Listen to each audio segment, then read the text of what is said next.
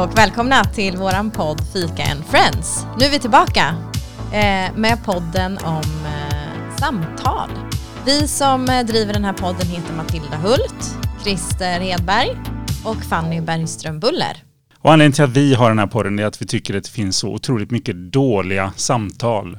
Så otroligt mycket dåliga möten där ute. Och det är lite där vi tänkte ta avstamp idag. I det dåliga, onödiga mötet. Eller hur? Yes. Det, det onödiga mötet. Eller, Men ska jag backa? Nej. Nej. Du, nej, gud, vi behöver inte backa här. Vi, det onödiga vi, mötet. Vi allra först hade ju skrivit det ofarliga mötet just och det är det, lite intressant. Just det. Mm. Vi, och sen så började vi fundera kring vad menar vi egentligen med ofarligt och landade vi ner i att så här, istället kanske det handlar om onödiga möten. Det är det som är själva, själva grejen. Mm. Meningslösa möten. Ja, de här mötena som liksom inte leder någonstans egentligen. Där vi sitter eh, av en viss tid eh, och sen så efteråt så händer ingenting. Sådana möten som vi har ganska mycket av i vår vardag, många av oss. Precis, men om vi verkligen gräver lite, börjar gräva där lite med vad är ett onödigt möte? Du sa det som inte leder någonstans. Finns det något mer vi kan tänka ett ja, men, onödigt möte? Ja men där man också går därifrån med en eh, olustig känsla i kroppen. Att man också någonstans vet att det här kanske inte kommer att leda någonstans. Eller vi, eh, vi kommer inte fram till någonting. Eller skulle jag egentligen ha varit med på det här mötet? Eller mötet som genererar en massa stress också. Som gör att vi känner att den här tiden hade jag egentligen inte. Och, och jag satt här ändå. Vi har pratat lite grann om att eh, man kan se tre så kategorier eller tre olika kategorier av ganska ofta återkommande möten. Eh, och det ena, det finns ju en typ av möte som, som handlar om det här mötet med en outtalad agenda. Ganska många möten som vi har handlar ju väldigt mycket om politik och makt på olika sätt. Människor som träffas för att liksom markera revir, berätta varför liksom är just jag viktig i det här sammanhanget.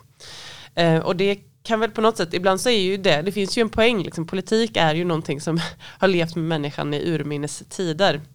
Men det, det farliga blir ju på något sätt, eller det som skapar onödighet kring de här mötena är ju när det inte är uttalat. När vi ses och vi tror att vi kanske ska diskutera någon viss fråga eller att vi ska börja jobba tillsammans. Men där vi bara sitter och markerar liksom, positionerna på olika sätt.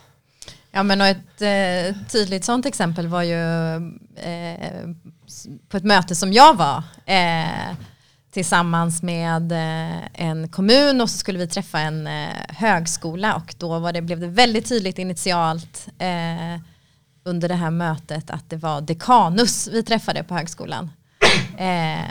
och hela mötet handlade egentligen om det blev så svårt för oss att prata, det blev så tydlig maktobalans i det här mötet. Så att vi två som kom och skulle ha, hade en tydlig agenda egentligen med mötet vi fick liksom aldrig, kom aldrig in i samtalet för det handlade så otroligt mycket om eh, eh, dekanus och att positionera sig och att visa att det är vi som bestämmer. Vi kommer inte flytta några positioner här under det här mötet. Ja, men vissa har varit med eh, även i, eh, man säger i, inte i den eh, skolvärlden men i, i den vanliga företagsvärlden absolut. Det är jättevanligt med att, att försöka hävda makt eller att använda makt. Jag är lite nyfiken på om man nu råkar ut för sådana här möte. Det sitter någon som verkligen vill visa sin makt, sin status, sin rang. Vad gör man? Ja, det där är ju liksom lite svårt. Det beror ju, ofta så beror det lite grann på vilken roll man har. Det ju, gäller ju ibland att vara ganska modig om man ska våga bryta den där strukturen. Jag tänker att ett sätt att föregå är ju att ha en väldigt tydlig liksom, struktur på mötet. Jag tänker att det, hierarkier kan liksom minska glappet mellan de här maktpositionerna eh, genom att ge alla utrymme till exempel. Att om man har ett möte där vissa personer tvingas sitta tysta hela tiden så har ju de eh, ganska ofta känslan av att ha mindre makt. Men ser man till att alla får prata så, så jämnar man ut det och sådär. Och det finns ju en massa saker som man rent praktiskt kan göra. Men det kan ju vara en sån sak. Och sen så finns det ju givetvis vissa sådana här sammanhang så måste man ju hantera liksom vissa personer som kanske har svårt att, eh, som ofta tar över, som ofta markerar liksom, position och det är ju någonting som om man jobbar med facilitering ofta tänker kring innan. Liksom, hur kan jag, man kanske till och med känner till att det kommer någon person som kommer ha svårt att, att spela med liksom, och vara lagspelare. I det här fallet så var det ju också väldigt tydligt att medarbetarna från den här högskolan inte hade någon sägning eh, under mötet. Så att då fick ju den personen som var egentligen utomstående och kom in fick ju ta rollen som facilitator i mötet trots att det kanske inte var eh, uppgiften. Nej, och jag kan förstå i ett sånt möte att det är, har man varit med tillräckligt många möten med en sån här maktperson, någon som gärna hörs och syns att man, man ger upp. Man, eh, det, det är jobbigt att stå där framme och vara den som eh, tar strid, den som utmanar. Eller hur? Ja, ja, verkligen. Och det kan ju få sociala konsekvenser. Alltså som ut, om man kommer utifrån så vet man ju kanske inte alltid vad det här liksom att ta plats i ett möte innebär för personerna i den konstellationen. Och det kan ju såklart få sociala konsekvenser även om man kommer utifrån. Att man på något sätt inte blir en uppskattad person eller någon person som anses vara jobbig. Och det kanske man inte tycker är så obekvämt jämt men i vissa sammanhang så är det ju tufft att få den stämpeln. Ja, precis. Mm. Och vi, vi pratar ju om makt där, men det, mm. vi kommer ju ta en punkt om det senare. Men en chef, en chef har ju också, det finns ju ofta den här glappet, alltså mm. distansen som finns när man är en chef. Det är en slags maktposition också att tänka på. Men vi kan komma tillbaka till den sen. Du hade tre mm. tips. Det här var nummer ett. Ja, det var ju politi de här politiska, outtalad politik och maktspel är ju en typ av möten som, som ofta blir helt onödiga för att det liksom inte leder någonstans. En, en annan typ av möten är ju de här mötena där ingen mentalt är närvarande. Och de tänker jag så här, nu för tiden supernärvarande för oss alla hela tiden och vi själva är där och fipplar ganska ofta med våra telefoner eller datorer vi sitter i det här mötet och känner att det här är egentligen bortkastad tid för mig eller jag vet redan det här eller man kanske är så stressad över andra saker att man inte ens orkar landa ner i rummet och lyssna. Och då sitter man med datorn och mejlar kanske och inte alls där. Mm. Ja, att kulturen är så. Här är det helt okej. Vi är med på mötet men vi kommer också samtidigt att mejla. Känns ju också som att det är vanligt. Och jag blir alltid så uh, ifrågasättande när, när jag ser de här som sitter med datorer uppe. Det sitter tio personer varav fem har datorer och mobiler framme. Frågan är, är de där egentligen? Eller är de någon annanstans? Nu vet man ju av forskning också att hjärnan, man pratar, Ibland pratar ju människor om att de är bra på att eh, multitaska. Men det finns ju liksom ingen forskning som stöder att det egentligen funkar. Eh, det som gör är att vår hjärna switchar fram och tillbaka mellan liksom olika uppgifter. Så det är klart att man kan lyssna på mötet ena sekunden och sen andra sekunden vara i ett mail. Och så kanske man håller på sådär hela tiden. Men det skapar ju liksom ingen effektivitet. Eh, och dessutom så, även om man själv upplever sig vara bra på det så kan det vara otroligt störande för de andra människorna i ett rum som inte upplever att du är liksom här. Ja, ja verkligen. Eh, jag kan känna verkligen när jag sitter runt ett bord och två sitter med datorerna öppna. Det, det stör mig jättemycket. För jag vet inte om jag nu pratar jag, nu, nu försöker jag få fram någonting och vi har en diskussion men två verkar sitta och titta ner i datorerna. Mm. Så jag, jag, jag, uppskattar verkligen när någon sitter med mobil eller dator och säger jag är, jag är med för jag sitter och antecknar. Bra, då, då kan jag släppa det men annars jag stör mig på det där. Mm. För det tar min uppmärksamhet, mitt, jag kan känna det är respektlöst. Mm. Mm. Ja, men kanske känslan av att här, är jag så oviktig ja. att du tycker att det är mer intressant att kolla mejlen. Ja. Den känslan kan ju lätt uppstå. Och det här härliga ljudet.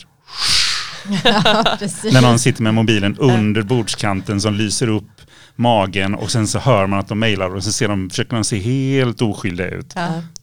Ja. Och där kan man ju också snacka, förlåt, men ledarskap och så här chefskultur. Liksom. För att det är ju mer ofta kanske att medarbetare ombeds lägga bort sina digitala devices och sen så sitter chefen där. Liksom. Men för hen anser sig vara lite viktigare.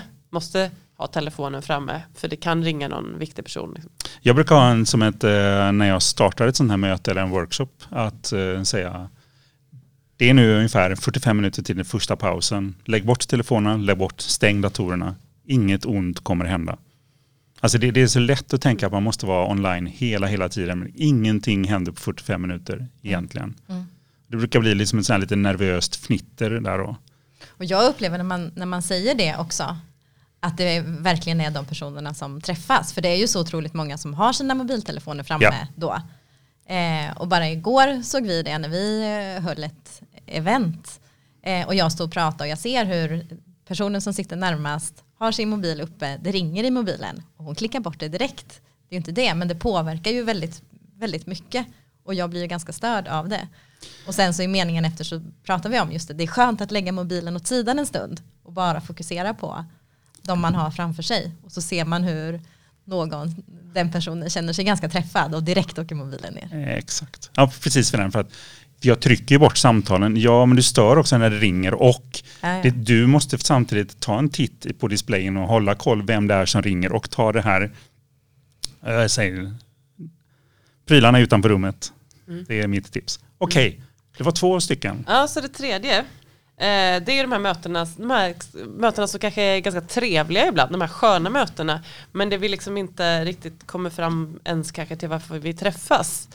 Eh, någon hade någon idé kanske, men det finns inte heller, det finns ingen facilitering eh, av mötet så vi kommer liksom ingenstans. Vi sitter och snackar och sen så händer det ingenting. Eh, och de mötena är ju också väldigt vanligt förekommande. Och där tror jag det handlar liksom dels om en rädsla från människor att kanske ta ledarrollen och säga okej hörni, vad är agendan, när ska vi sluta, vad ska vi komma fram till? Eh, och det behöver ju inte alltid vara liksom en person som måste driva det här hela tiden utan det kan ju vara att man liksom har någonting en agenda man följer eller någon metod man vill använda sig av. Det finns ju massa sätt men, men just det här när man och det kan ju vara supertrevligt att ha de där mötena men då kan man ju fråga sig om man inte bara kan ta en fika och prata om precis vad man vill istället. Ja. Jag kan ju känna att det är kalendern i datorn har ju förstört ganska mycket.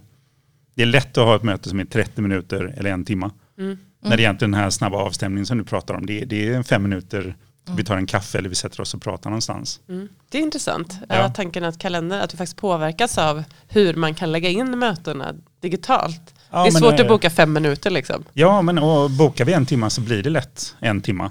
Ja. När det egentligen var ett fem minuters möte. Ja. Mm. Ja, ja, för kalendern föreslår ju en timmes möten också. All right, men eh, om man backar ut lite här då, behöver vi ha alla de här mötena vi har? Det är ju nästan eh, det vi pratar om här nu, men om man utmanar här, behöver vi egentligen ha alla möten som vi har hela tiden? Det var nog mest retoriska frågan i, i den här poddens eh, historia. Ja, vi har ju sagt att vi ska vara lite tipsiga, eller att vi ska vara väldigt tipsiga här. Ja. Och då tänker vi, det här, eh, det här eh, poddavsnittet så fångar vi upp väldigt liksom, stora frågor och vi kommer ju successivt att bryta ner och liksom ge mer konkreta tips kring hur man kan hantera olika möten på olika sätt. Men, eh, men eh, det första liksom, tipset och som kanske är lite så här chefstipsigt det handlar ju om att börja egentligen logga vad har vi för möten i den här organisationen egentligen och vad leder de till eller vad syftar de till och vad leder de till och vilka kan vi stryka är väl huvudfrågan. Och jag tror det är ganska många. Ehm, det finns en klok kille som heter Jason Fried. Han pratar om the M&M's, meetings and managers, de två sakerna som förstör jättemycket produktivitet på ett företag. Så att verkligen precis fundera på vilka möten behöver man ha, hur mycket behöver man stämma av hela tiden. Så kan man göra det på något annat sätt. Mm. Och kanske är du personen som nästa gång istället för att föreslå ett möte föreslår att ni ska ta bort ett möte. Men om vi ska ge ett tips till här då, om jag nu vill vara den som driver ett bra möte och gör så. Men jag, du pratade förut om det här med facilitatorn som inte, man kanske inte vill ha den rollen. Men är det någonting man skulle kunna göra där? Jag är frustrerad på mitt företag. Jag vill få till bättre möten. Vad kan jag göra som första steg? Ja, alltså att jobba med överhuvudtaget ha syf syften med möten är väl en sån en grej. Vilka tre punkter vill vi diskutera och även reflektera kring så här, hur tar vi nästa steg vidare? Vad ska hända till nästa gång vi ses? Är väl en relevant fråga att ställa och börjar vi ju ha möten och inse att så här, det, vi säger att saker ska hända men det händer aldrig. Då har vi väl en ganska tydlig problemformulering tänker jag. Om man tappar, eh, ska man säga, fo inte fokus, man tappar förtroendet för mötena. Man Ja. tappar respekten för mötena om det inte blir någonting kan jag tycka. Mm. Och verkligen tänka till kring hur inleder vi möten? Hur startar vi dem? Ja men precis. Och det tänker jag att vi kommer prata mer om vid eh, nästa avsnitt egentligen. Precis, Ja. incheckning. Incheckning, bra. Mm. Men eh, ja, det här var egentligen det första riktiga avsnittet eh, vi gjorde med Fika and Friends.